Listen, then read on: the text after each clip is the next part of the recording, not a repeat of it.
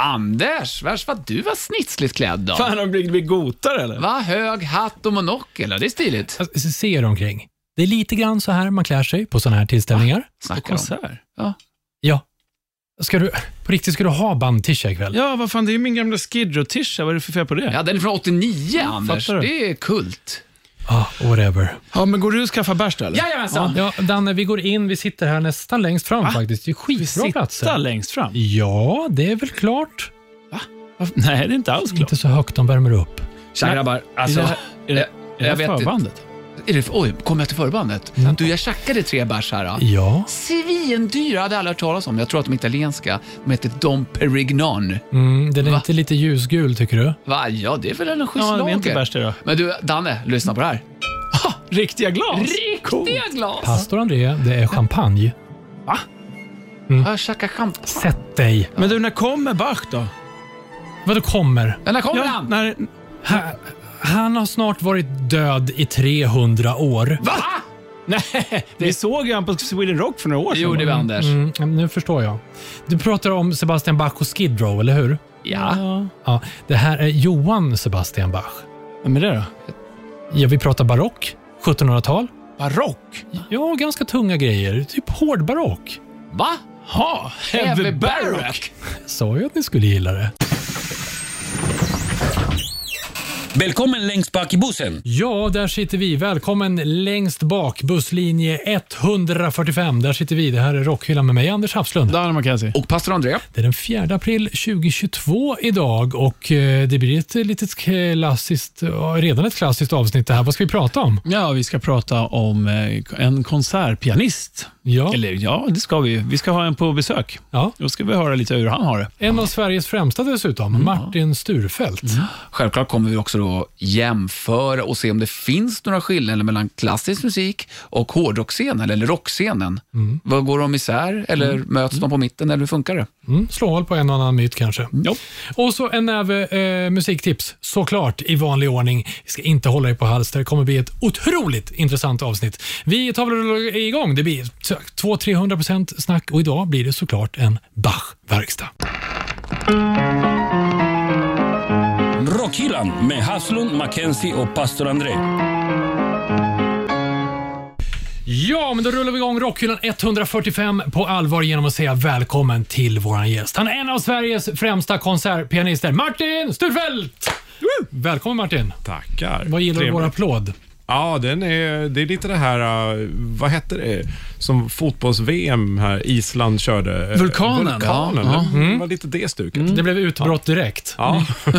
Ja. Väldigt kort vulkan. Ja, eh, så är det. Ja. Det är Kul. första gången jag har drabbats av den. Det jag känner mig smickrad. Bra, tack Martin. Kul att du är här. Hör du, vi ska börja, eh, eller hela avsnittet ska ju handla om, eh, vi, ska på lite grann sätta dig i ena ringhörnan som turnerande och klassiskt skolad musiker och, så, och Danne på andra sidan som turnerande eh, rockmusiker. Och så får vi se lite grann vad vi hittar för jämförelser, eller likheter och eh, olikheter. Yes. Vi älskar att besanna, eh, veta att myter är sanna eh, också. Och fördomarna. Ja, absolut, mycket fördomar och sånt blir det. Vårt bästa. Vi tänker däremot börja lite eh, lättsamt, som vi brukar göra i Rockhyllan, med ett quiz. Och vi ska leka det här.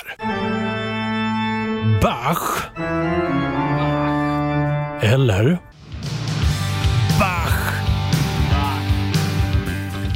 Ja, vi ska alltså ställa hårdrocken mot eh, hårdbarocken. Vi pratar i hårdrockshörnan eh, Sebastian Bach, eh, på den tiden han befann sig i Skid Row. Ja, vi pratar om honom oavsett om han är i Skid Row eller inte. Nu är det ju Erik Grönvall, förbaskat coolt. Eh, eller mot Johann Sebastian Bach. Och då pratar vi i 1700-tal någon gång, eller hur Martin? Ja, precis. Han är född 1600, men det är 1700 mest. Ja, ja, ja.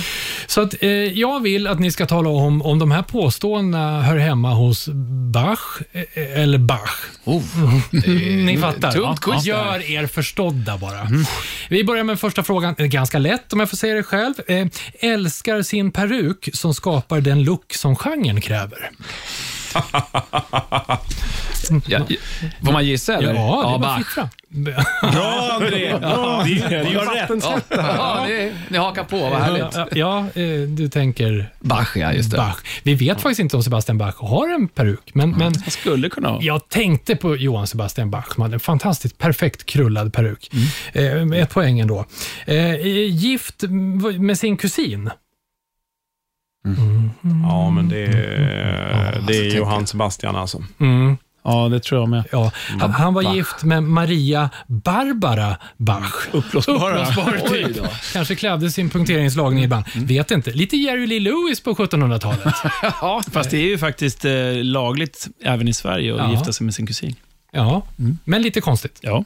Eller en dröm, det beror på. Okej, eh, nästa. Har fått en ring från någon i det svenska kungahuset som blev sjukt imponerad av ett gig. Oj! Bach, säger jag. Mm, Bra, lite André. mer specifikt då. ja men då, då säger vi Skid Row Bach. Mm, nej, det var det faktiskt inte. Han, eh, eh, det här var Johann Sebastian Bach, fick en, ring, en diamantring 1714 från den dåvarande kronprinsen. Jag tänkte att det var Silvia som ja, var det på... var det kunde man tro att det var. på. Ja, Fredrik av Hessen, senare Fredrik den första, som också hade samma kärlek till eh, perfekt eh, krullade peruker. Ja, Det hade varit roligare om det var Silvia, måste jag säga. Ja, Ja. tycker jag med. det var lite roligt faktiskt. Men det hade varit Eh, fantastiskt. Okej, eh, jag skulle kunna ställa frågan vem som har legat mest, eh, men då måste vi upp till bevis någonstans och då tänker man vem som har reproducerats mest. Vem hade mest avkommor?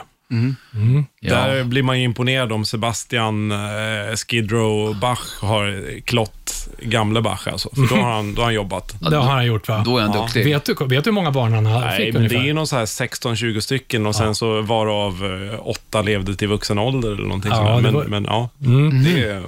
Du var inne på rätt siffra. 20 stycken. Sju med första, Barbara. Hon producerade trots sin uppblåsbarhet.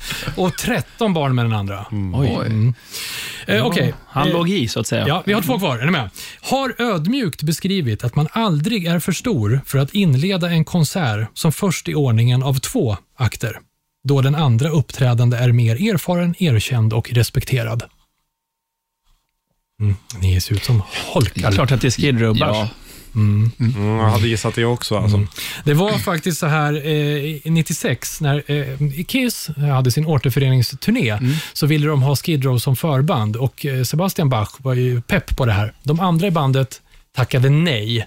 Eh, så att sen när Sebastian eh, då eh, hoppade av Skid Row så ska han ha talat in på ett eh, telefonsvarare att “You're never too big to open up for Kiss”. Amen. Ja, vilken kille. Ja, men, Okej, eh, si- sista här då. Har blivit arresterad. Det är också Sebastian Bach.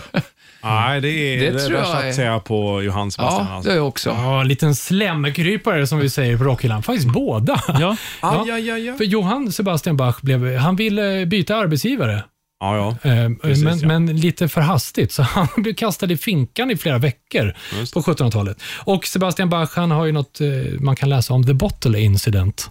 Mm. Han blev förbannad på att någon kastade upp en flaska på scenen och bestämde sig för att dyka på någon i publikhavet. Mm. Eh, Så var det. Eh, Vem vann? Bach. Bach. Bra, tack ska ni ha grabbar.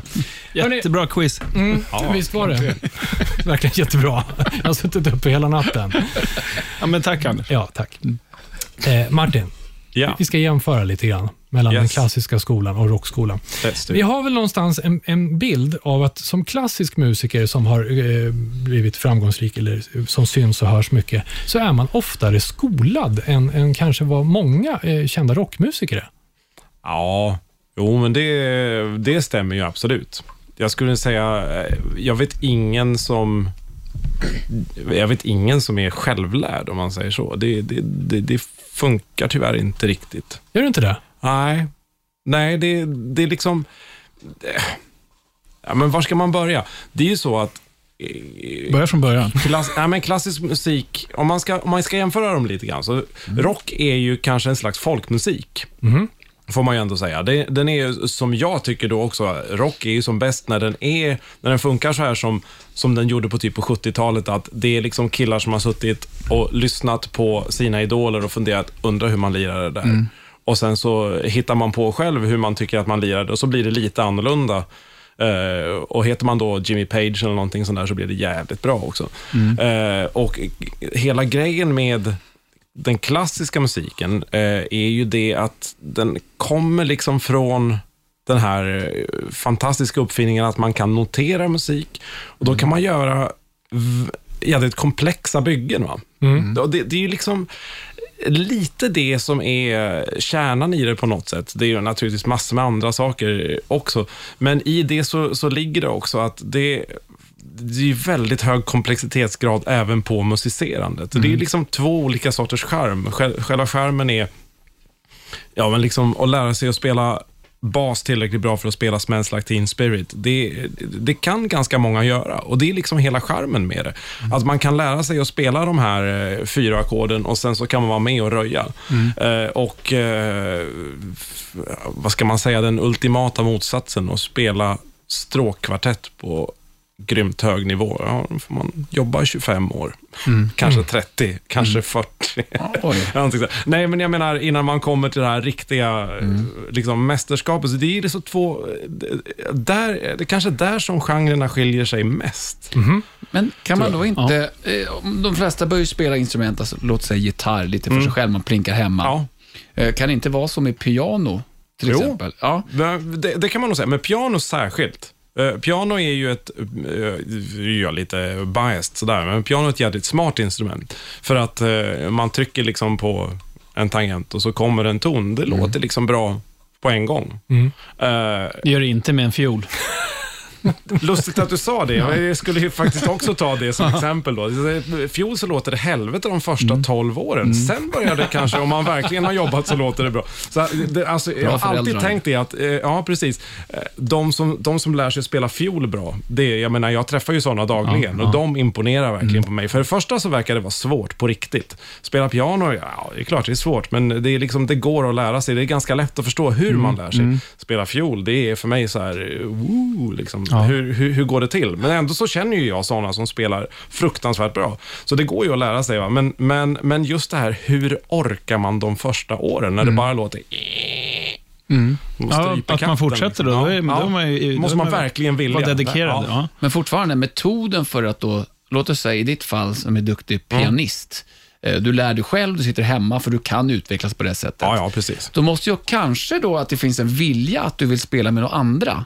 Ja, En trumpetare till exempel, Ja, ja, som ja. du känner är duktig. Då, är Förekommer. precis, då har man ju skapat ett tvåmansband. Alltså det är exakt samma visst, konstellation, bara att det är andra instrument. Absolut. Det förekommer inte på samma sätt då.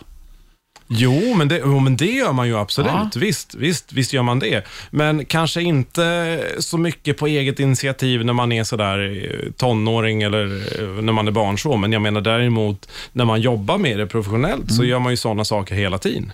Man, man, och jag menar, det funkar ju, det är ju inte konstigare än i någon annan. Man, man kanske träffas på krogen och efter någon konsert man har varit på ihop och så börjar snacka. Du, skulle inte vi liksom kunna... Just det. Eh, och Har du, har du lirat den där och den där grejen? Nej, det har jag aldrig gjort. Och det var kul att göra. Ska vi göra det tillsammans? Och sen så, ja. Det är egentligen, det är liksom inga konstiga... Där är det mycket likt. Ja, just det. Ja. Martin, du pratar, nu hamnar vi lite grann på krogen och lite det vi ska jämföra också, bara för att ta ytterligheterna här. Okej, det var vägen fram till scenen och hur man eh, övar och så vidare. Men jag tänker så här, eh, när man är ute på en typisk turné med ett rockband, hur, efter ett gig, ja, men vi kanske alla vet att det kan ju röjas på. Mm, ja. Ja. Eh, kan det ro- göra. Rock'n'roll baby. Ja, jo, vad, vad, vad är Ja, frågan? Ja, men jag ville tänka så här, när man är på turné som klassisk musiker, och då tänker man, eh, rockturné, eh, röj, kasta ut tvn genom fönstret, det finns hur mycket skrönor som helst. Eh, klassisk musik på turné, är det eh, mer mingel och, eh, och så här? Eller Alltså... är det en... Det finns alla varianter kan man säga, lite Ja. diplomatiskt kanske. Ja. Det beror ju lite på var man är någonstans också. Det, det är liksom, eh, man gör så mycket olika typer av grejer. Men om man liksom har en ganska jetsettig karriär sådär, och turnerar runt på de stora internationella eh, konserthusen och sådär, så är det klart att, eh, och kanske framför allt när man spelar på festivaler och sådär. Vi har ju, vi har ju väldigt mycket festivaler. De liknar inte kanske de festivaler som ni tänker på som festivaler. Eh, Det, det är inte så här mm, stå i, stå i gyttjan och röja liksom, Nej. 85 000 pers framför en scen. Men, men, men, men det är grymma festivaler också, jag lovar. Men där, eh, framför allt då, brukar det ju bli ganska mycket partande. Okej. Helt klart, så Ja. är det ju. Men sen är det ju liksom lite olika beroende på vad man är i för situation. När jag åker någonstans då, om jag ska åka och spela i ett konserthus nere på kontinenten eller något sånt. Och för det första så är det ju, så är det ju hela den här grejen med eh, den, den här precisionsbägen, det här som vi har, som ligger liksom latent i musiken. Det blir ju mycket det här, liksom, man måste försöka sova så mycket som möjligt, öva piano, spela så bra som man överhuvudtaget kan, så att man blir tillbakabjuden nästa gång. Och Sen så är man dessutom oftast där eh, som pianist, då, så är man nästan alltid där själv.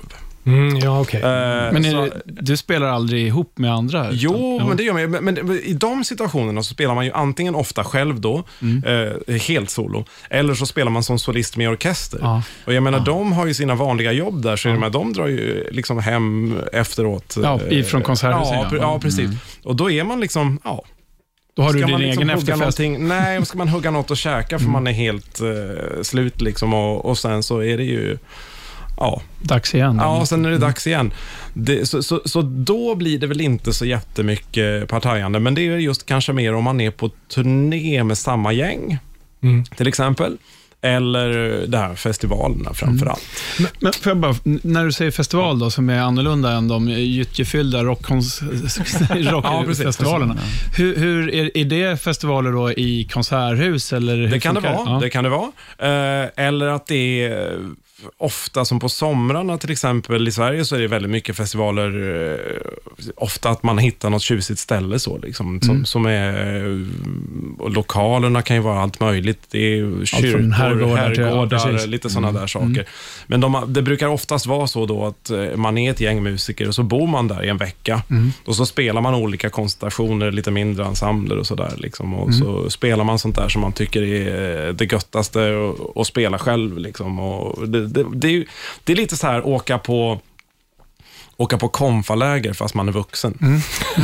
Fast roligare. Ja, fast det är ju ungefär att gå på rockkonsert också. Men jag tänkte, Festival, det är det. Om vi stannar kvar i festivalandet så tittar vi på eh, fansen, åhörarna. Och hur mycket skiljer, jag menar om vi då ska väldigt stereotyp säga då hur rocken är, precis som vi säger. Det är öl, eh, det är aldrig duscha, skitiga kläder, stå i leran och, och bröla. Det är, en, det är den fina bilden liksom.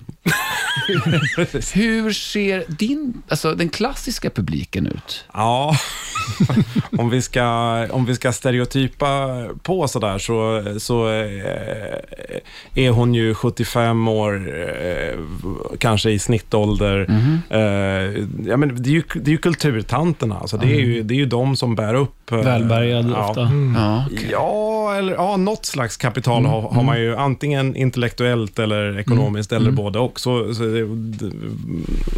så är det väl. Och jag menar, Min nästa Ja. fråga var ju groupies, eh, men Ja, du svarade nästan på den, kändes. Vi kan gå vidare. Jag, tror, jag tror, när det gäller just eh, inom fanbase-gruppen, eh, nej, not so much. eh, Nej, okej. Kanske. Eh, det, undantag finns, absolut. Ja. Det, det, det beror ju på preferenser åt olika håll och så. Ja, ja, ja. Men, men, men, men det finns ju även yngre som, Ja. som det, det ska man ju ha klart för sig. Det är som, som jag sa, det, är- det är ju liksom grymt förenklat att Ja. det är 75-åriga tanter. Men de är väldigt vanliga, det ska jag säga. Och, de, och de är väldigt roliga. Jag menar, eh, en vanlig missuppfattning är att det skulle vara tråkigt att spela för en sån publik. Det är det ju inte eftersom de vet, de har hört väldigt mycket av det som jag menar, de kan väldigt mycket om den musiken insatta, som jag håller ja. på med. Ja, precis. precis. De är ju grymt kul att spela för, Ja. för att de, de är ju med på, till 100 procent. Och de vet också vad det krävts av dig Ja, många gånger. Det har man ju ofta en uppfattning. om, eh, i alla fall på något sätt. Ja, på- Så, precis. ja.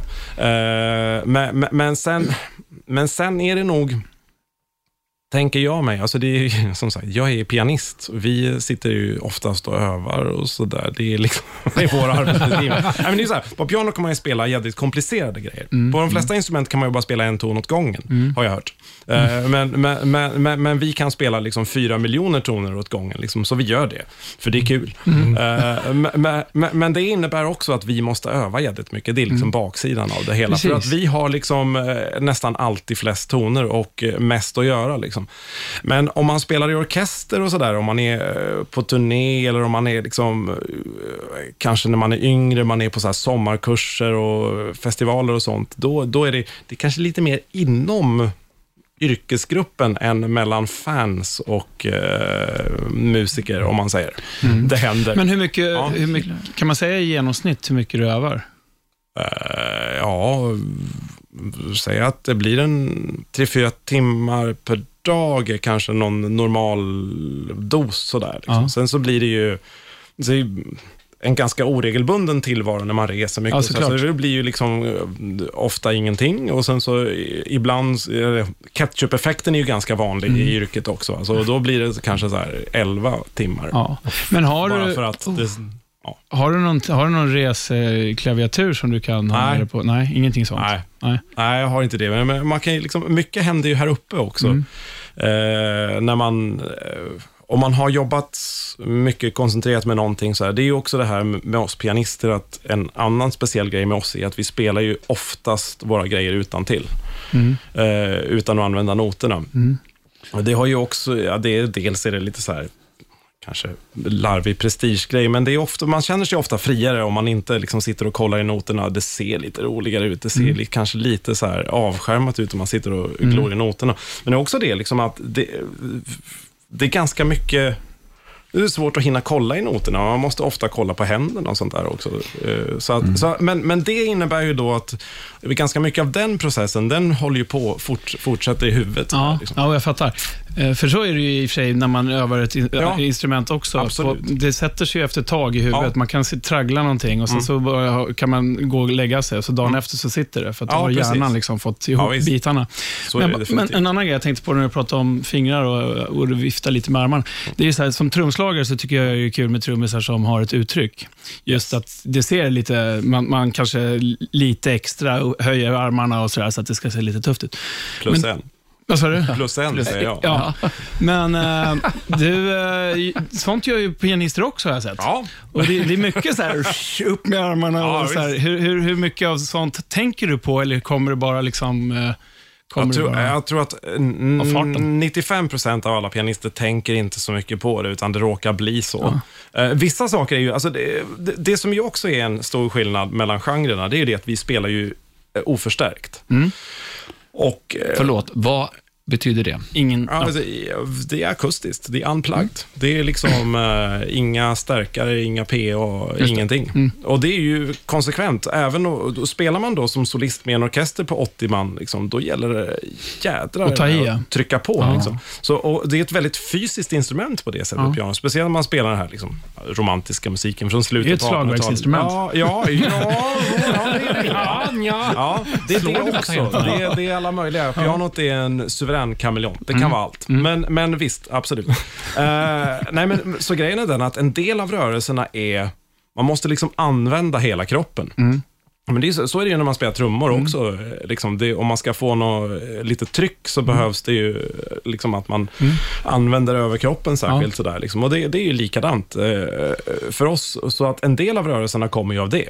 En del rörelser måste man göra, liksom, för att annars så får man inget, speciellt om det är starkt och, och sådär. Liksom. Men Martin, som, som Danne var inne på, jag tänker på, Mm. du pratar om stick tricks, liksom man, man eh, snurrar på stockarna och så grejer. Och det kan man ju lätt bli inspirerad av andra trummisar, tycker att det är coolt. Mm. Man drar stockarna runt huvudet eller kastar upp dem och sånt där. Eh, fin- eh, Finns det några sådana exempel som man hittar liksom hos andra pianister? Så bara, det där var jävligt cool. Ja. Armföring. Jag tror att det finns nog, undermedvetet finns det nog sådana Ja, grejer. okej. Alltså det, Mm. det, det, det märker man ofta. Eh, Ja, men man har, man har sett någonting på någon känd pianist och sen så hör man kanske någon yngre mm. sådär, så ser man, aha. Jag har ju en, en bild som jag alltid tycker så här, eh, pianister gör. När de ska sätta sig och börja spela så har de ju ofta, vad är det, rock eller vad är Ja, det? frack. Frack, Ja, frack ja, liksom. ja, att man sätter sig och så precis innan man nuddar och sitsen Ja. så skjuter man ut där bak Ja, ja, jo, för att visst. visa ja, det, det, är- det, kan, det, Det är min bild. Det, kan jag bekräfta att... eh, Ja, men, ja, men annars så sätter du dig på... Precis. Ja, det, då blir det jävligt tajt bak till. Fast det är väldigt... Ja, den är ganska hal också. så liksom halkar man runt Men man verkligen som ja. att man, du vill Ja. visa att Ja. Nu. Det, det, det där är ju lite kul. Nu är det, ju, nu är det mer och mer sällan som man spelar i frack. Eh, Ja. Det, det, det där är ju... Det är bara överkropp nu. Ja, precis. Absolut. Pälskalsonger. Ja, nej, det är mycket så här, eh, det är mycket såna här liksom lite slinkiga kreationer i någon så här lite glassiga eh, sidenartade tyger. Det är ganska mycket sånt eh, nu för tiden. Och Det går mode i gärna, sånt också, Ja. Gärna så här kraglösa, alltså så här med typ Kina-krage Ja, på. Så. Sånt, sånt är ju ganska vanligt, eh, många som har. Men, men jag brukar, äh, jag brukar ta tillfället, när orke- det är ju när man spelar med orkester framförallt Mm. som man har frack. Va? För att orkestrarna har ju liksom fracken som någon slags uniform Mm.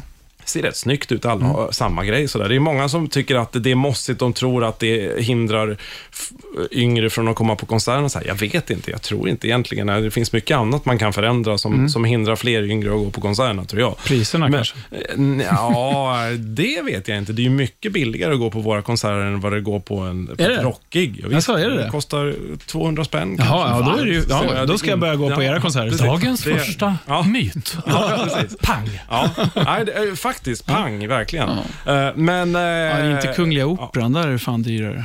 Ja, där, där, opera kan nog vara lite Mm. dyrare, men det är fortfarande 600-700 kanske. Ja, Det är klart, betala fortfarande- 750 för dåliga platser på Tool. Ja, ja, Nu, precis. så att, ja. Ja, Ja. Nej, så att det, det, det, Men de spelar ju också här vart 30 år. Ja, precis.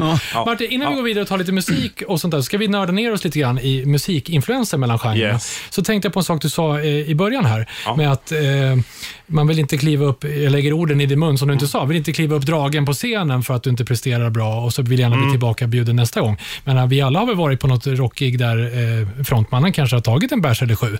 Eh, och Eh, ja. man tycker ändå att... Eller kanske varit på scen då också. Ja, exakt. Eller som eh, Mick Mars hade en eh, ölglas med, med vodka när han var som bäst. Ehm, men då hörde det till liksom, och så gick, man och såg dem nästa gång då. Är det en mer kräsen och granskande publik? Alltså eftersom det är mer så här precisionsprestation? Eh? Alltså ja och nej, eh, tror jag. Jag tror att... Eh, Jag tänker som när Pavarotti missade en ton så fick Ja, han ja. hela grönsaksmarknaden på sig. ja, precis. Det, men, men opera, är- opera är någon konstig avart av, av det hela. Det är riktigt Där, där, Ja. där är de konstiga på riktigt. Ja, nej, jag vet inte riktigt. eh, Men däremot så är det ju jädrigt svårt, återigen om man kommer tillbaka till den här liksom eh, precisionsbiten. Det blir ju svårt att lösa grejerna om man, om man inte är Nykter. Om man inte är nykter alltså. Det finns ju, jag hade, när jag bodde i England så hade jag, hade en elev, en vuxen elev, som, som var merchant banker i the city. Och, han eh, hade gått alla de här klassiska Eton och Oxford. Ja, man, Ni ser honom framför. Ja. Han är Rupert dessutom. Som, som, som, bara som, och han brukade alltid säga Martin, in order to play drunk, you have to practice drunk. Ja. Åh, ja, Ja, okej. För han kunde nämligen. Ja. Ja. Nej, men jag Fint svar. känner sådana också som aldrig har spelat trummor nyktra i princip. Oh. Jag fattar inte hur det går till. Men apropå tomglas så ska vi titta vad eh, Mackenzie har i sin back idag. men det är det en vi. skiva kanske? Ja, kanske. Eller någonting annat? Ja. Vi kör Mackenzies skivback. Mackenzies freeback. Ja, jag tänkte köra en klassisk låt faktiskt. Nej. Mm. Och Då snackar vi om klassisk rock. Eh, det är kanske lite yngre än det som du håller på med oftast, Martin. Eh, 42 år eh, får man ändå säga är klassiskt när det gäller rock'n'roll. Ja, och eh, det här är en, en eh, klassisk låt av ett klassiskt band från Australien som heter Akadaka, som de säger där. Ah. De heter ACDC alltså, men i, i Australien så säger de Akadaka. De kallas för det. Ja. Hur som helst, så eh, 1980 släpptes plattan Back in Black. Just det. Första med Brian Johnson, efter eh, Bon Scott hade gått bort. Och eh, Det här är då för två år sedan, måste det ha varit. Ja, för då var det 40-årsjubileum på den plattan, så spelades det in en platta som heter Back in Black Redux. Eh, Redux, med eh, massa olika band som eh, tolkade Back in Black. Inte bara den låten, utan hela skivan förstås. Och ett band från Sverige som heter Besvärjelsen tolkade just titelspåret Back in Black. Vi kan höra lite på den. Jag tycker det är lite roligt.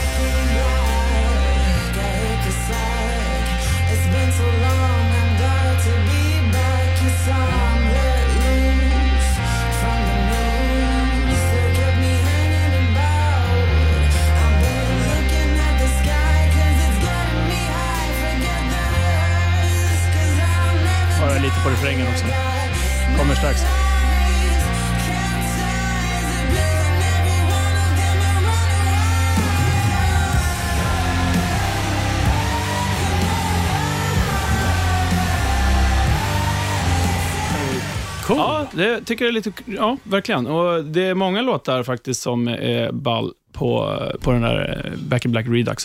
Så man kan kolla in om man är sugen på det.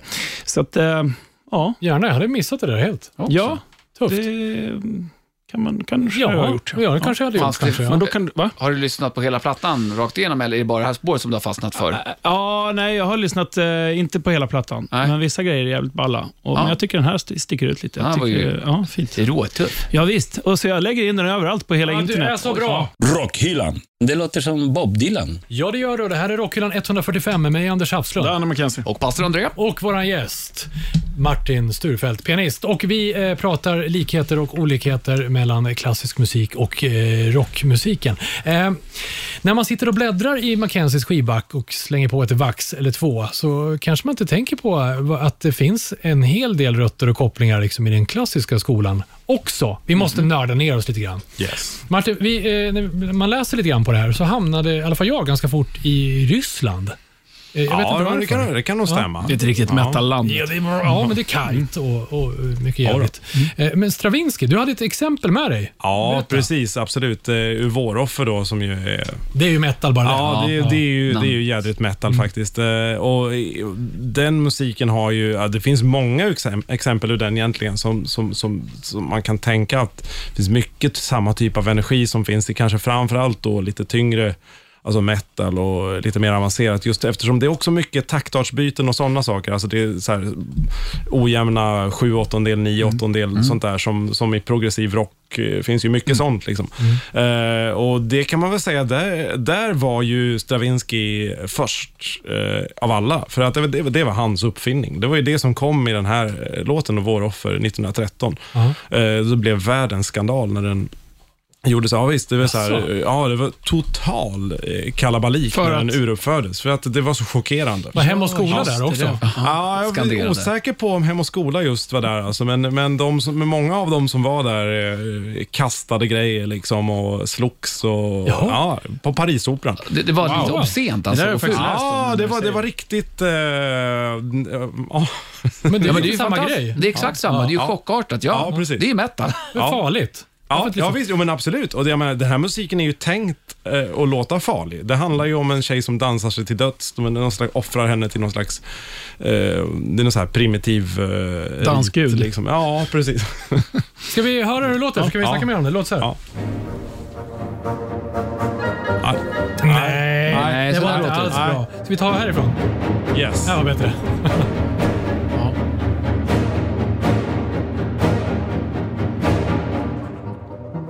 Ja, nu kommer Bortsett från blåset. Eh, Ja, precis. Eller? Det.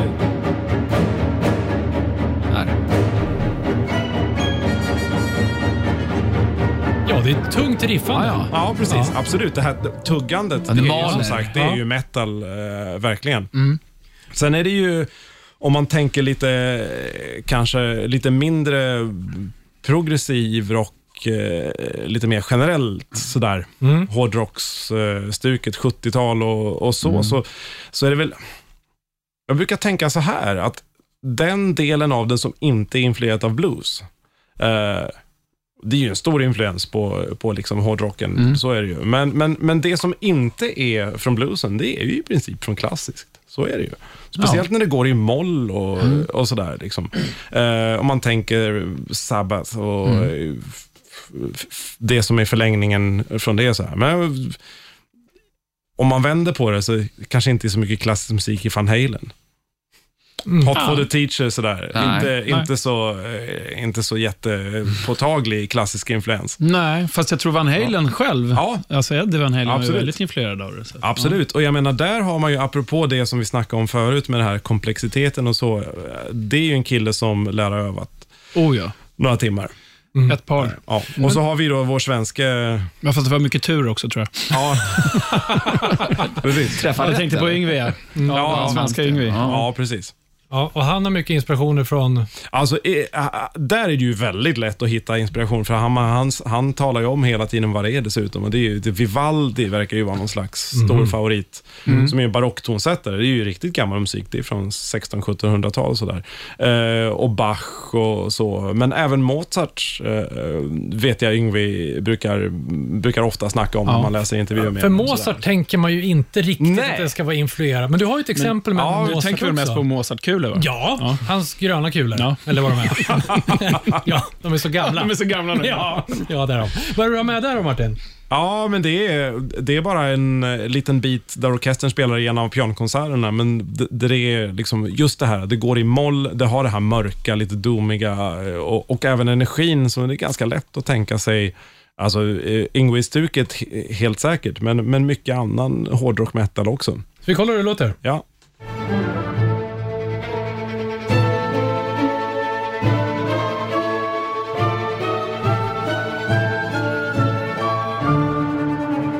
Ja, visst.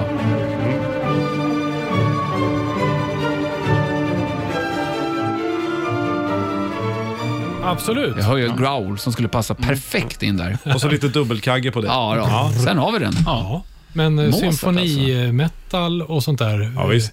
Visst. Jättemycket. Absolut. Absolut, och jag menar eh, det här med, som vi snackade om förut också, att eh, om man, som jag sa, rock är en slags folkmusik eh, och att klassisk musik bygger på komple- komplexitet och sådär. Det, det är ju väldigt, väldigt förenklat. Jag menar, man kan ju hitta hur många exempel på motsatsen också. Jag menar, man tar ett band som, jag vet inte, vadå, Dream Theater eller någonting sånt Ja. där. Det är ju oerhört hög komplex, komplexitetsgrad och där liksom alla som är med dessutom också har gått eh, liksom väldigt avancerade musikutbildningar och sådär. Eh, så att, och jag menar, ja, det kanske är svårare att hitta ett eh, klockrent exempel på motsatsen. Men ganska många klassiska sångare, eh, även om de har utbildning, de är kanske, där börjar det ju ofta med att man, man märker att man har en, liksom, En det handlar ju så mycket om att man har rätt förutsättningar. Liksom så här. Alla så här hålrum här inne som, där det kan eka runt. Där. I huvudet, ja. Ja, Mm, precis. De ser ju ofta, man ser ju ofta på sådana klassiska sångare, de har liksom lite extra stort huvud. Det- Man märker det finns mycket så extra bihålor och sånt där. Liksom. Ja, det är ganska häftigt. Det, det, det visste inte jag om. Jo, men de, alltså man har en klangton i huvudet. Ja. Alltså, så att man sjunger egentligen så. En, en operasångare, när, när han eller hon sjunger, så hör de knappt sina egna toner, för att de, de känner i hela huvudet. Man, man, hela huvudet sjunger liksom samtidigt. Som resonanslåda. Ja, det blir som en Ja, resonanslåda, ja, ja. precis. Så de hör knappt vad de själva... De vet vart, vart de ska bara i själva Ja, ja, känslan. Ja, det blir Ja. som fysiskt mer. Ja, precis. Det är som en vibration. Liksom. Det är ju, Det är skithäftigt. Det är ju Yes. sjukt häftigt egentligen, men samtidigt, så det är ju, alltså klassisk sång är ju en acquired taste brukar jag säga. Ändå, liksom, det, det, det är ju lite, ibland så, så tänker man ju själv också, vad är det här? Det är väldigt mycket vibrato. Ja, Liksom. ja. Det är liksom Ian Gillen, Bruce Dickinson och några till, fast gånger eh, Ja. sju. Liksom. Ja. Men... eh, Finns det några exempel på det? Jag skulle vilja höra lite hur det låter med, med sången. Det där lät ju jätteintressant. Oj, ja. Om det finns Eh, något Det kan vi absolut eh, gräva fram någonting. Det är, vi har ju en av våra största eh, Wagnersångare genom tiderna, en svensk sopran som heter Birgit Nilsson. Ja. kan man ta eh, va, valfritt. Där, apropå klassiska influenser på eh, metal och så, så är ju Wagner ju också Just det. det han var ju Eh, hårdrock. Ja, Mm. ja, han var hårdrock. Han var dess, dessvärre en jävla tråkig eh, typ. Men, men det är en annan femma. Men, men musiken är ju verkligen Man måste skilja på artist och eh, Ja. person. Men vi gör så. Vi plockar fram ett exempel Ja. på det här efter vi ska köra Anders albumspår. Sen ska vi också ge oss in det här i merchen. Vi har pratat om det. Eh, I Tyskland där har man ryggtryck och vi har mycket t-shirtar. Vi måste se, finns det en eh, Martin Sturfeldt bootleg t-shirt, 100 kronor, som säljs när du spelar i Ja, en Asien? Någonstans i, en bootleg, i, i, i sloppigt bomullstyg. Ja, vi tar det efter Anders albumspår. Tinga ett ex till mig i så fall. Anders albumspår. Ja, mina herrar. Alltså jag tänkte ju jag skulle plocka någonting som var kraftigt influerat av den klassiska musiken, men så hände någonting i den svenska rockmusikhistorien. Eh, för 14 år sedan så tog vi avsked av ett band som har influenser i väldigt bra klassisk rockmusik. Eh, Och då pratar jag om band som till exempel Kiss eh, och, och sådär. Eh, ett förbannat bra band som är tillbaka med en ny platta efter 14 år. Jag pratar om The Hellacopters. Vi kan inte låta bli att säga. Jag lyssnar på den här 34 minuter långa plattan, eller vad det nu är. Eh, tio låtar. Och det är ett förbannat bra hantverk, återigen. Den har snurrat några varv, tog någon eh, lyssning innan den satte sig. Men jag vill Men det är väl bra att det blir så. Jag tror det också, annars tröttar man väl eh, fortare. Så jag ville eh, plocka en låt därifrån med en titel som får mig att tänka på dagen efter en stökig fest. Man behöver en plog och man behöver en doktor. Det är kvarglömda gäster och, och burkar och, och sånt där. Ni vet. Hatar när man glömmer sina gäster. Ja, det gör man. Ligger du här och skräpar. Eh, så den heter mycket riktigt A Plow and a Doctor Helicopters.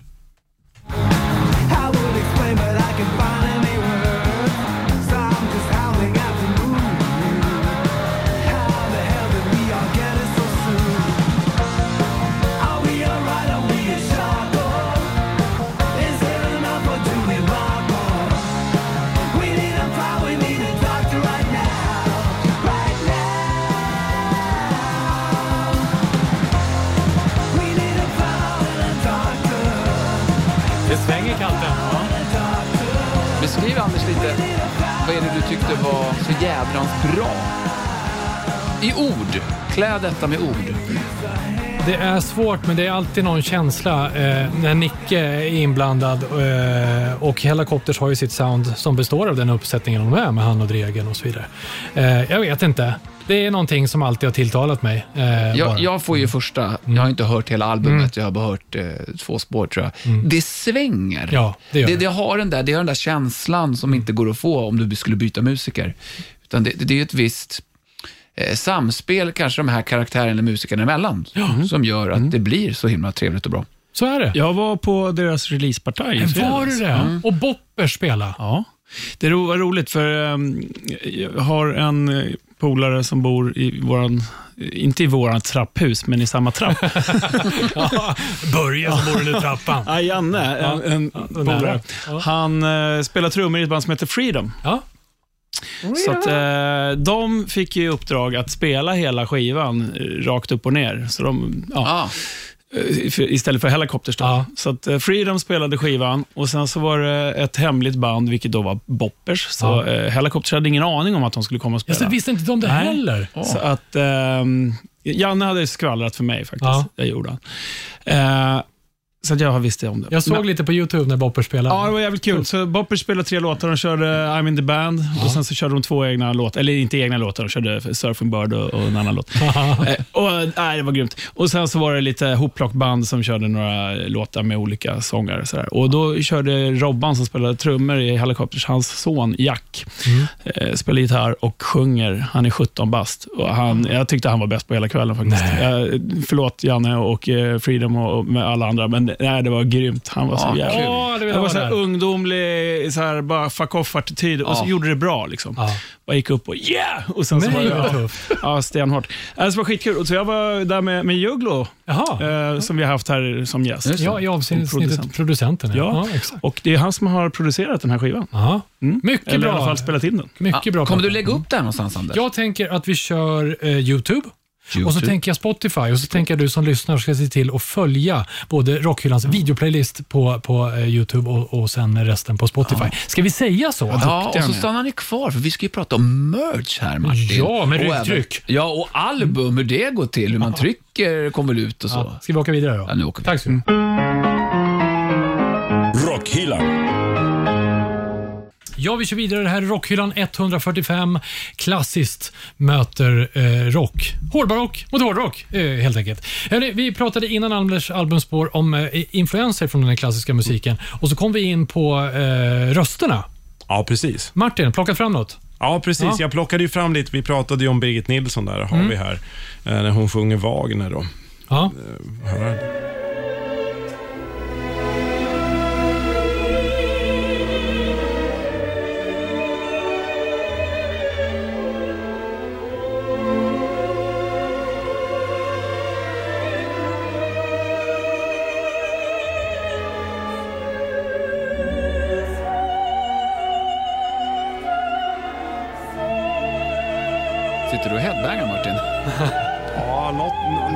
Någon, sån variant. Alltså det, jag, jag tycker det här är oerhört grymt, så är det ju faktiskt. Men, men det är... Jag har svårt... Jag, jag, har, jag har lätt att tänka mig att eh, det här är en sån där som kräver ganska mycket tillvänjning om man inte har stött på det tidigare. Men sen som vi sa eh, för en stund sedan eh, när vi satt och snackade här, det är ju egentligen inte jättelångt mellan den här rösten och en Ian Gillen eller Bruce Dickinson eller någonting sånt där. Eh, vilket ju också är en ganska extrem rösttyp. Men, men däremot, stuken kunde ju inte vara längre ifrån varandra. Så är det ju. Men det är som en Men- tidslinje om man Ja. tittar på det. Eh, Ett början och slut. De Ja, är på vardera sida. Som Ja, egentligen är, om man knyter ihop det så är det väldigt likt. Ja, visst. Jag menar, eh, det är mer likt än vad det är olikt egentligen. Så är det ju. Men, men, men, men den stora skillnaden är ju det som vi var inne på förut, att eh, eftersom man inte har några mickar, eftersom man inte har några PA, eftersom det är helt, helt akustiskt, så måste ju liksom rösterna när det gäller den klassiska musiken måste ju vara, liksom funka på ett helt annat sätt.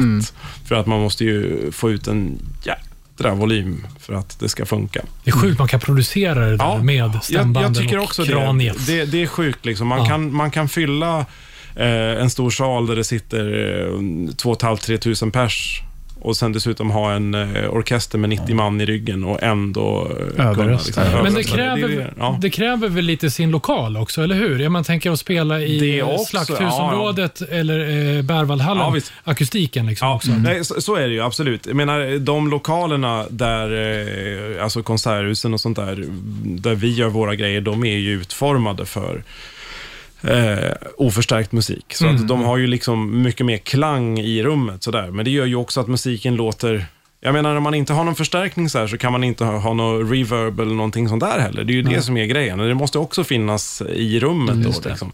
När man spelar förstärkt musik är det ju nästan en fördel att det inte är så mycket akustik i rummet, så kan man styra allting. Eh, mixplats liksom. Men, men, men ja, så, så det, är ju, det är ju två liksom helt olika grejer. Men Men man, vill ju upp, man vill ju uppnå nästan samma resultat. Liksom. Ja. Det är bara två vägar att och göra uppnå det på, ja, precis. Och väldigt många, alltså, så, som jag har stött på, som, som möter den akustiska musiken, den klassiska musiken, efter att ha liksom, eh, varit insnöad på annan, liksom, nyare musik, liksom, rockmusik, popmusik. Så.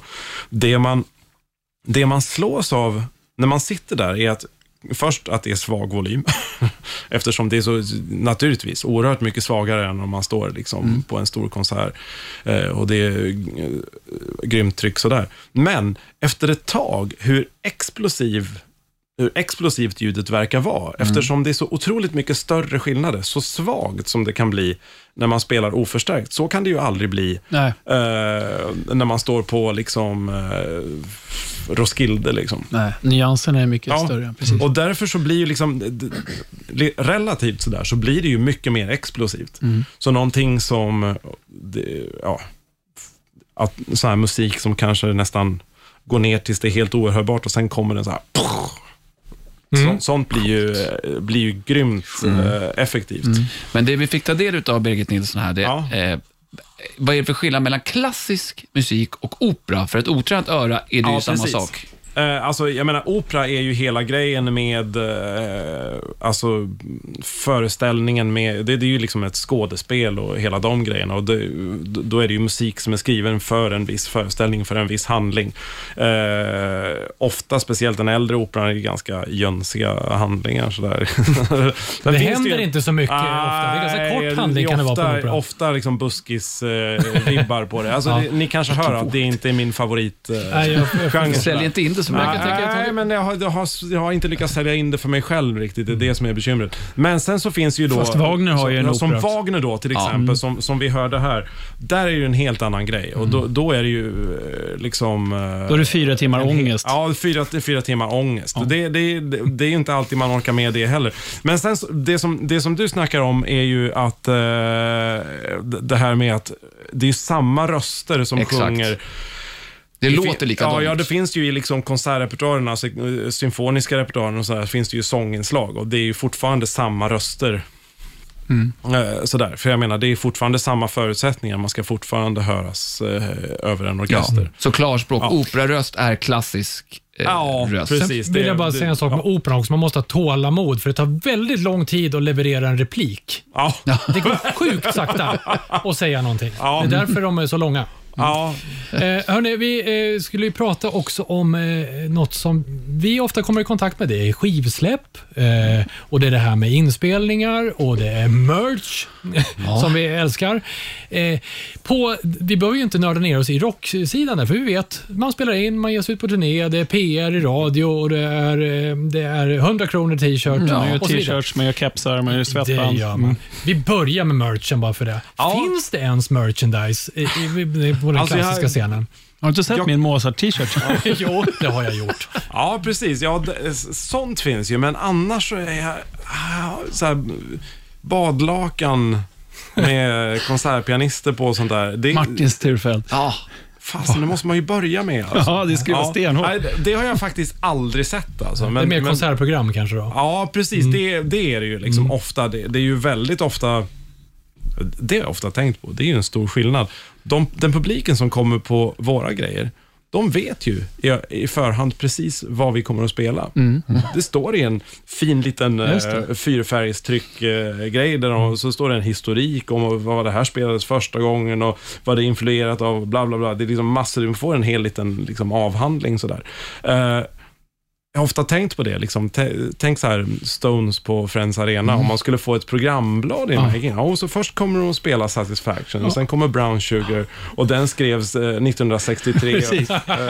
Och jag gillar ju bara Honky Tonk Women, så jag kan ju gå in dit efter en och en halv timme. Ja, det står ju här. Sen Danne, du hade ju en helt genialisk eh, eh, observation när det gäller den klassiska musiken när man går på gig. Då spelar ju mycket, Ja, det är bara covers. ja, Ja, vi, vi kör 100% coverband. Eller inte 100%, så det, det är ju inte riktigt sant. Det finns några undantag, eh, men de är väldigt få faktiskt. Däremot, historiskt så var det ju så, precis så det funkade. Att, jag menar som till exempel, ja, men vi hörde ju lite Mozart här förut. Hans pianokonserter, han skrev 27 pianokonserter för pianoorkester. Och de var ju skrivna för att han själv skulle lira dem. Liksom.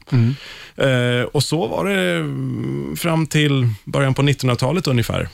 Och, och sen väldigt snabbt så slutade det vara så. Det är, det är en ganska skum grej. Det är, Hur då menar du att det ja, var det så fram... ganska, alltså, att man skrev musik för sig själv och spela. Aha, okej. Eh, eller om man då eh, skrev orkestermusik så åkte man runt själv och dirigerade Ja, den kanske. Då, liksom.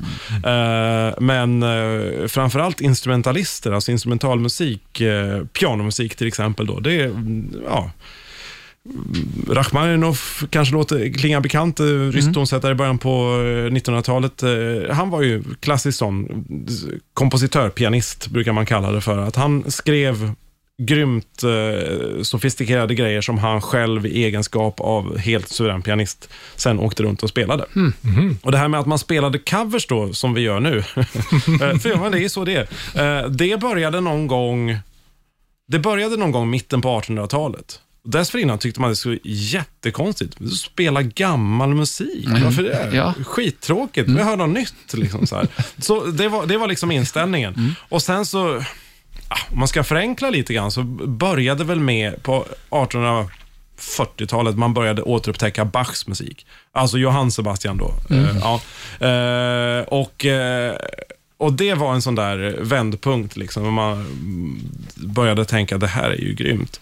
Det kanske finns mer gamla grejer. Då börjar man rota i arkiven. Liksom. Och så började det bli så att man spelade kanske fortfarande mest sina egna grejer, men så smög man in någonting. Jag har hittat det här gamla. Var, var kollade i ett arkiv och hittade det här. Liksom. Ja. Vi måste ju bara höra Bach, bara för att du säger det, och ta något som man känner igen. Ja, yes. Pastorn Chalm.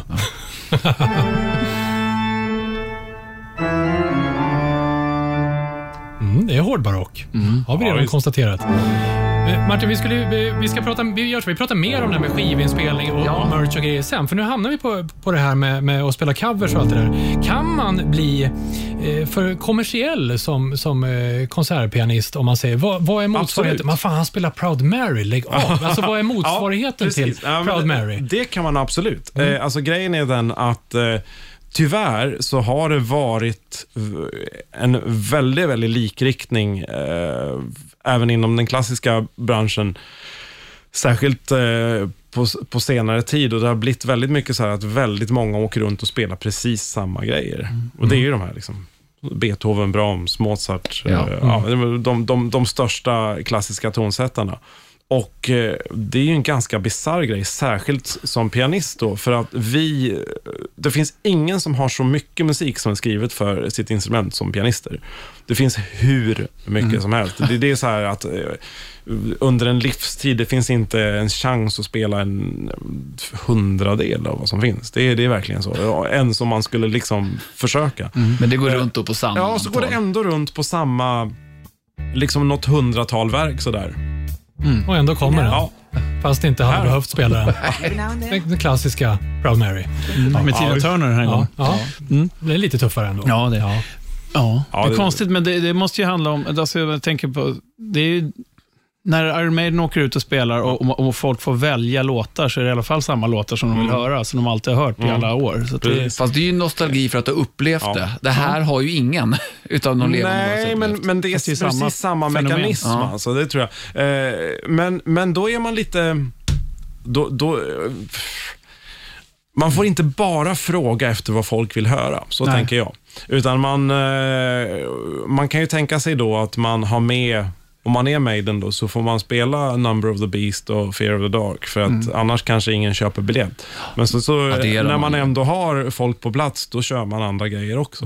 Eh, så jobbar jag då i alla fall. ja, Fast vadå, om ni är mycket, alltså, eftersom det är en coververksamhet nästintill, Ja, precis. eh, då försvinner ju hela det här fundamentet med att släppa album och liksom ta fram konvolutet och skriva in låttexter och bandbild.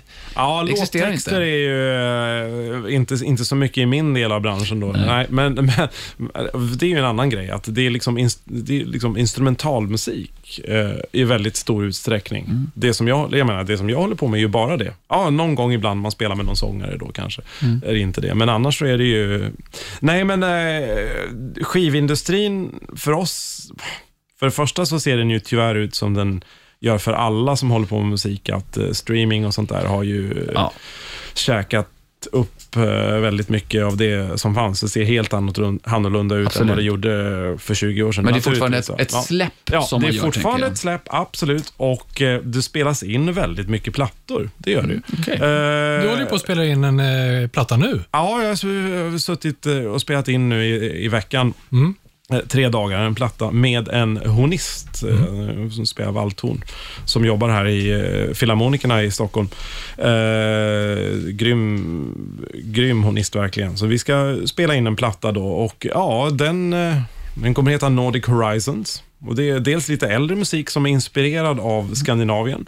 Och sen så har vi då beställt ny musik av eh, några eh, tonsättare, alltså som, som skriver helt ny musik som eh, ingen har hört förut. Så, eh, och, som kommer på den här plattan i kombination med det gamla. Då.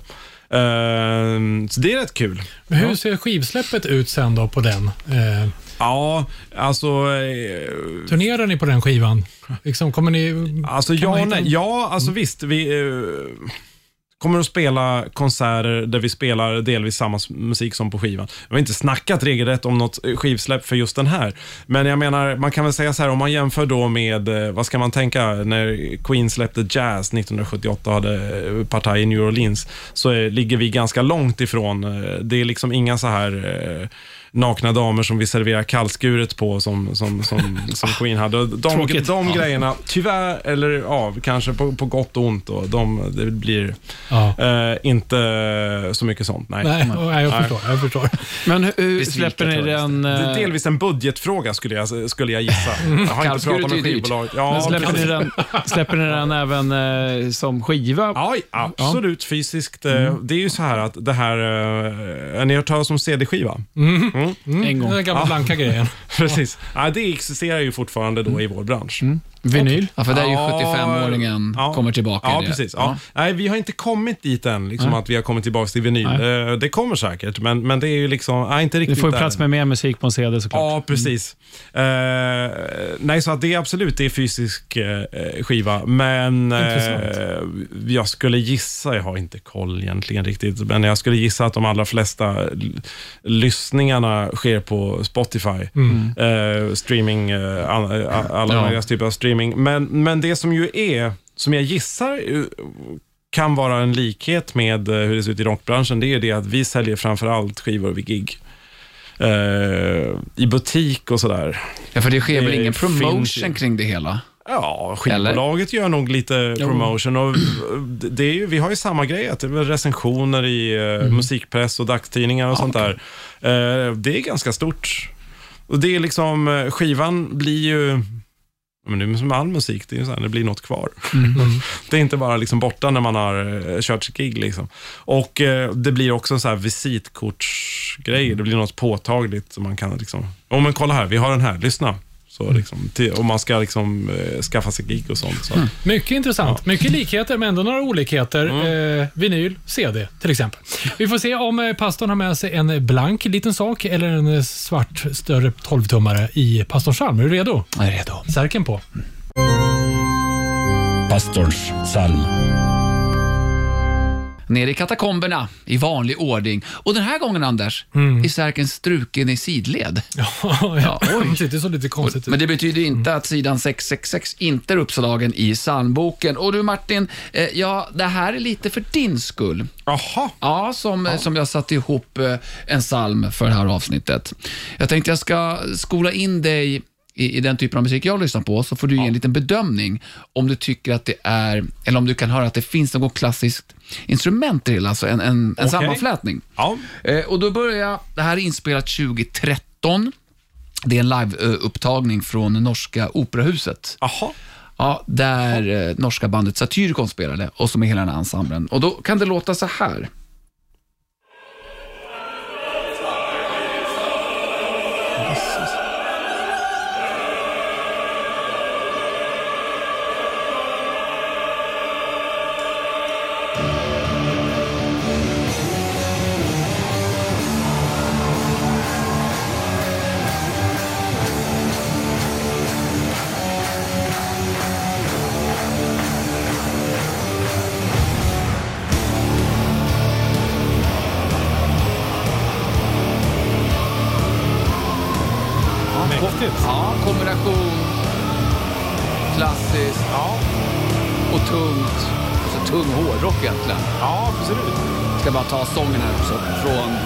Det Som här är ju lite operaröstvibbar ändå. Ja. Alltså. Ja.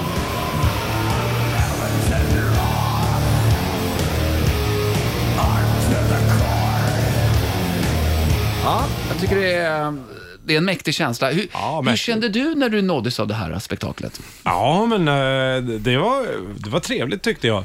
Eh, alltså, eh, ja... Det är kul att de håller på, eller? Ja, ja precis. precis. Nej, men jag är ganska tilltalad av det här doomy, liksom, tunga och det här lite kromatiska då. Nu är vi inne på musikteori Mm. liksom. Men, men, men eh, det här är ju här är det ju väldigt mycket gemensamma nämnare med väldigt mycket till exempel symfonisk musik från 1900-talet. Ehm, någon gång om det var under pandemin, så var det någon brittisk orkestermusiker, spelar bas i någon av Londonorkestrarna tror jag, som också visade sig eh, spela grymt bra metal-gitarr, som hade gjort en cover eller alltså han hade gjort en av Shostakovich symfonier, en sats, eh, och gjort en metal-cover på den. Eh, och lagt eh, massa gitarrstämmor och sånt där grejer. Och det, var, det var grymt häftigt. Verkligen, verkligen tungt. Och det lät väldigt likt det här faktiskt. Och det, det, är det där som är lite, det är det där som är lite paradoxalt. Om man, om man bara spelade upp Shostas symfoni så som den låter liksom, i sin vanliga version, så kanske man inte nödvändigtvis hör den likheten på en gång, tänker jag. Men sen om man börjar liksom skrapa lite på ytan så förstår man att det, det, det är väldigt likt. Alltså. Eh, det, är bara, det får liksom lite olika uttryck beroende på vilket sätt det spelas på. Mm. Jag ska ge det till... ehm, Ja, kör. eh, vi, vi, vi, vi håller oss i samma land, Norge. Ja. De är ganska kända för den här typen av Jo, jag vet, jag vet, precis. musikalitet. Och eh, vi går rakt in här nu. Jimmy Borger heter han.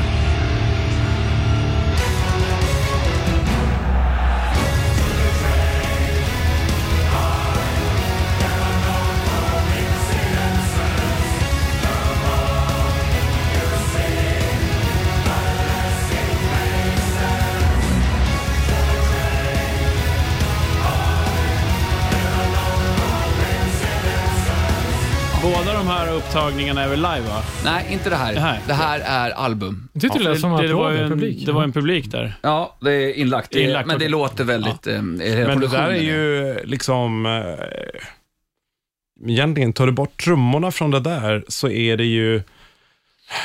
Det är lite så här filmmusikstuket på något sätt. Ja. Eh, som Storslaget. Ju, ja, storslaget, som ju ofta är... Filmmusik är någon sån här mittemellan eh, genre som ju plockar lite här och var. Liksom. Men som jag har plockat, jag menar det är ju väldigt ofta orkester. Så att det är ju väldigt ofta eh, som en kanske lite mer lättlyssnad, snällare variant av klassisk musik eh, på något sätt. så. Den är ju ofta, den, den liksom, man får den ju i ganska små sjok när man kollar på film. Och det är liksom väldigt, atmosfär är ju väldigt eh, prioriterat sådär. Liksom, så den kan, har ofta inte så mycket struktur. Det som ju är grejen med klassisk musik är ju ofta att Ja, det är just det här att man kan eh, strukturera det eftersom det är, det är noterat. Man kan göra avancerade byggen och folk kan vara med och spela det för man behöver inte komma ihåg låten. Det är ju i allmänhet så när man spelar i band att man inte spelar efter noter. Jag gissar att det finns, de, de, de liksom mest avancerade progressiva banden säkert spelar efter noter eh, till viss del. Skulle jag gissa. Jag vet inte riktigt hur det är, men som Dream Theater och det finns Ja, säkert de sådana som liksom eh, ännu mer skruvat. Liksom. Det är ju någonstans, eh, någonstans tar det ju stopp. Tillräckligt komplexa grejer kan man ju inte liksom komma ihåg. Det som ju är speciellt i vår värld, det är ju det att eftersom alla läser noter, så det är ju så, symfoniorkestrarna, de, de spelar ju ett nytt program varje vecka. Man börjar på måndag, då, då öppnar man noterna och sen så är det konsert på onsdag och torsdag. Och sen nästa vecka så gör man samma sak. Eh, och, och, och, och ändå kan man spela de komplicerade grejerna på väldigt, väldigt hög nivå. Och det är ju liksom för att man har den här praktiska fördelen av att det är noter. Det står där hur man ska göra. Sen har man den praktiska fördelen att man har en dirigent som har liksom umgås med musiken i många år och som har Som håller bestämt sig tempot. för, så- som liksom leder lite åt, eh, s- som ger lite hints. Så här, Ja. liksom att, Jag är Ja. osäker på om jag skulle uppskatta om den typen av musik jag tycker om skulle spela efter noter live.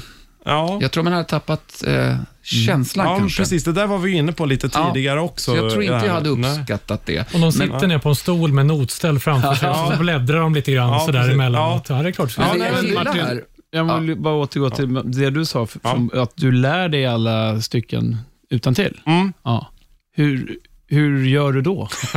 Ja, oj då, Jag menar- till avsnitt. Nej, men, eh, Livsfarlig fråga. Men ja, eh, kort eh, kan man väl säga så här att ofta så är det väldigt mycket som fastnar bara för att det, är liksom, det är svårt att spela, man måste öva på det många gånger. Mm. Och då tränar man ju någon slags, dels så här motoriskt minne, att man kommer ihåg liksom i fingrarna. Muskelminnet, Men även att man lär sig känna igen stycket och eh, det är så här, många saker kommer ofta ganska lätt. Sen så kan det vara svårare saker och då måste man eh, kanske jobba lite mer teoretiskt och lä- försöka hitta på något så här Ett minnesprogram. minnesprogram. Ja, precis. Precis som man kan göra för att komma ihåg eh, vad folk man träffar på ett party heter eller för att komma ihåg telefonnummer eller vad som helst. Sådana saker. Det kan ju vara hur dumma grejer som helst. Det är liksom eh, Kanske alfabetisk ordning funkar. Första gången så är det ett E på det här stället, andra gången så är det ett F. Ja. Det är alfabetisk ordning, perfekt. Det är ju som de här minnesmästarna man ser på TV. precis. De får till, ja, det är en get i en hammock. Eh, Det är alltså Bruce Willis.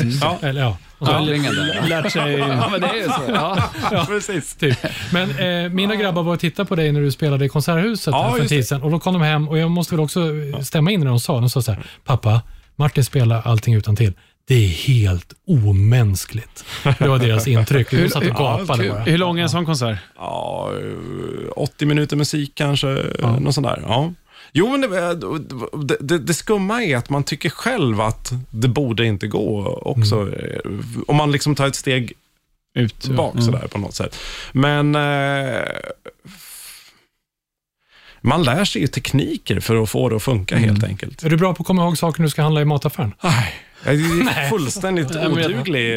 Men det är, det är för att jag har inga bra tekniker för, för många sådana saker. Jag- Jag är, jag är extra förvånad, för jag tycker att jag är ganska, ganska så här absent-minded eh, ofta. så. Men, men det är de här grejerna har man ju som sagt lärt sig. lärt man jobbar ju. exakt. Ger färdighet. Ja. Om man vet vad som funkar för en. Jag har ju gjort det här professionellt i 25 år. Liksom, så att jag, ja. Men det är så här också, när- som när jag, nu gör jag inte det lika mycket längre, men förut så tog jag ut ganska mycket låtar för att jag spelar med många olika band. Och så kanske man har hoppat in i något coverband eller man hoppar in i något band för att man skulle turnera. Och så här. Och då, då, då gör man ju det och då får man ju en teknik, för att, utan att Ja. man tänker på det, så blir man bättre på det för Ja, att visst, man, man gör det hela tiden. Och då, då sätter det sig bara utan att man ens anstränger sig ibland.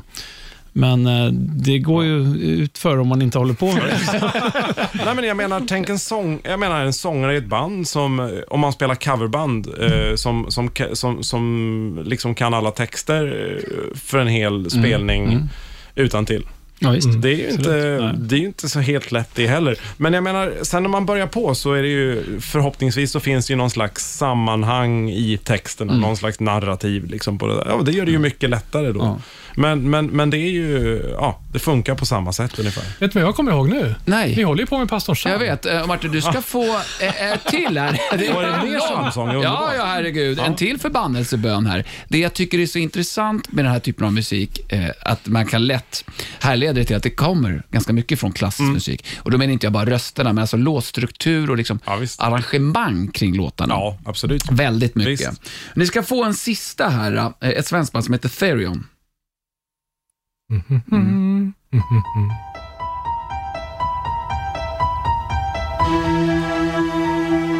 Långsam uppbyggnad. Ja. Du är inne på det filmiska igen. Ja. Stråka på burk. Tyvärr. Det var jag...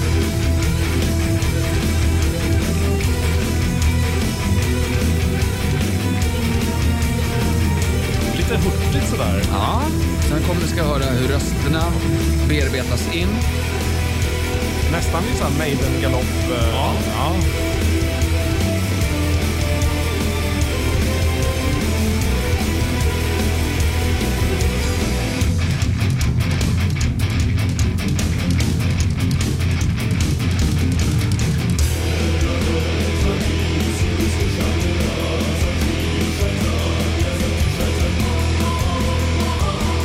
Orientaliskt alltså. Bara två sekunder till här så får vi se hur själva låten kommer igång på riktigt. På något sätt.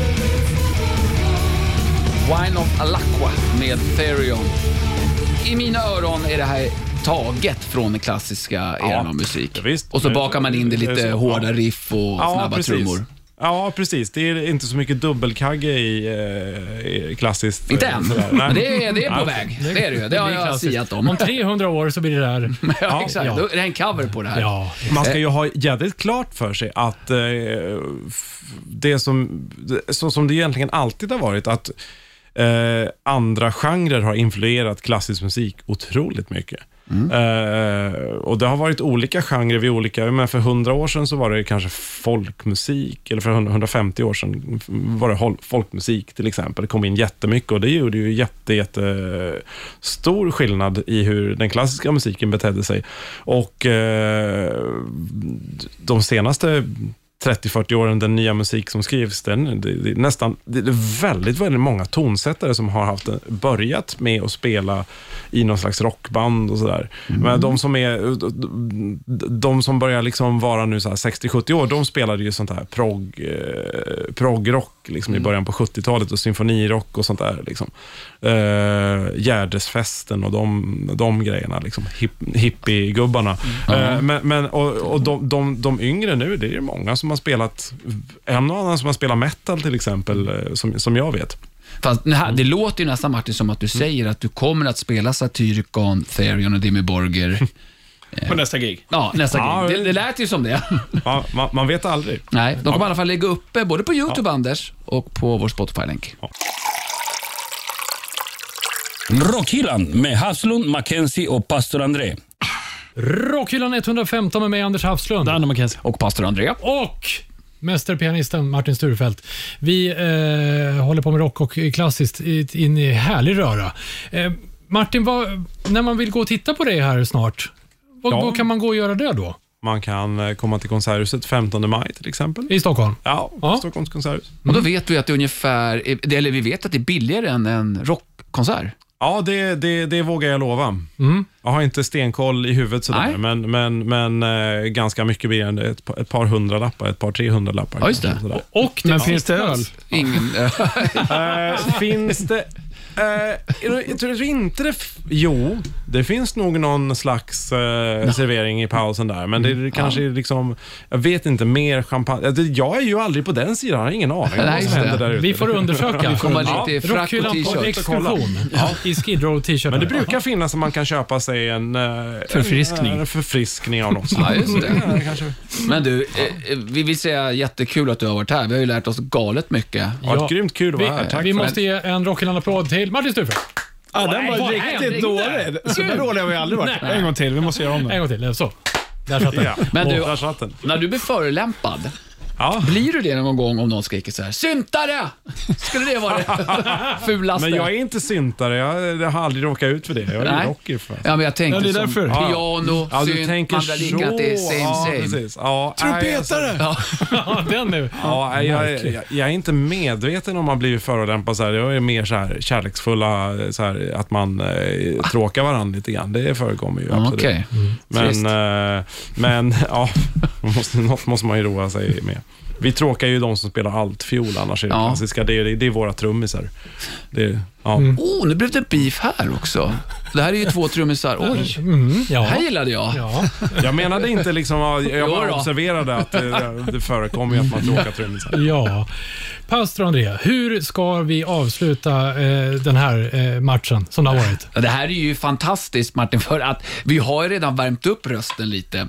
Eh, Först är det här ett väldigt långt avsnitt, men sen har vi lyssnat på Birgit Nilsson när hon tar till stämma. Och det är exakt det Första vi gången i ska rockhyllan göra. kanske. Ja, det, det ska jag inte säga.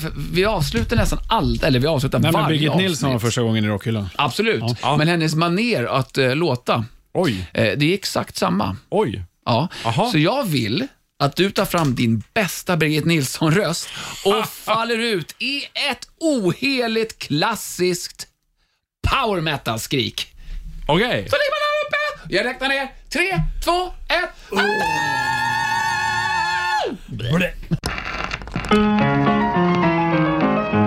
Rockhyllan med Haslund, Mackenzie och pastor André.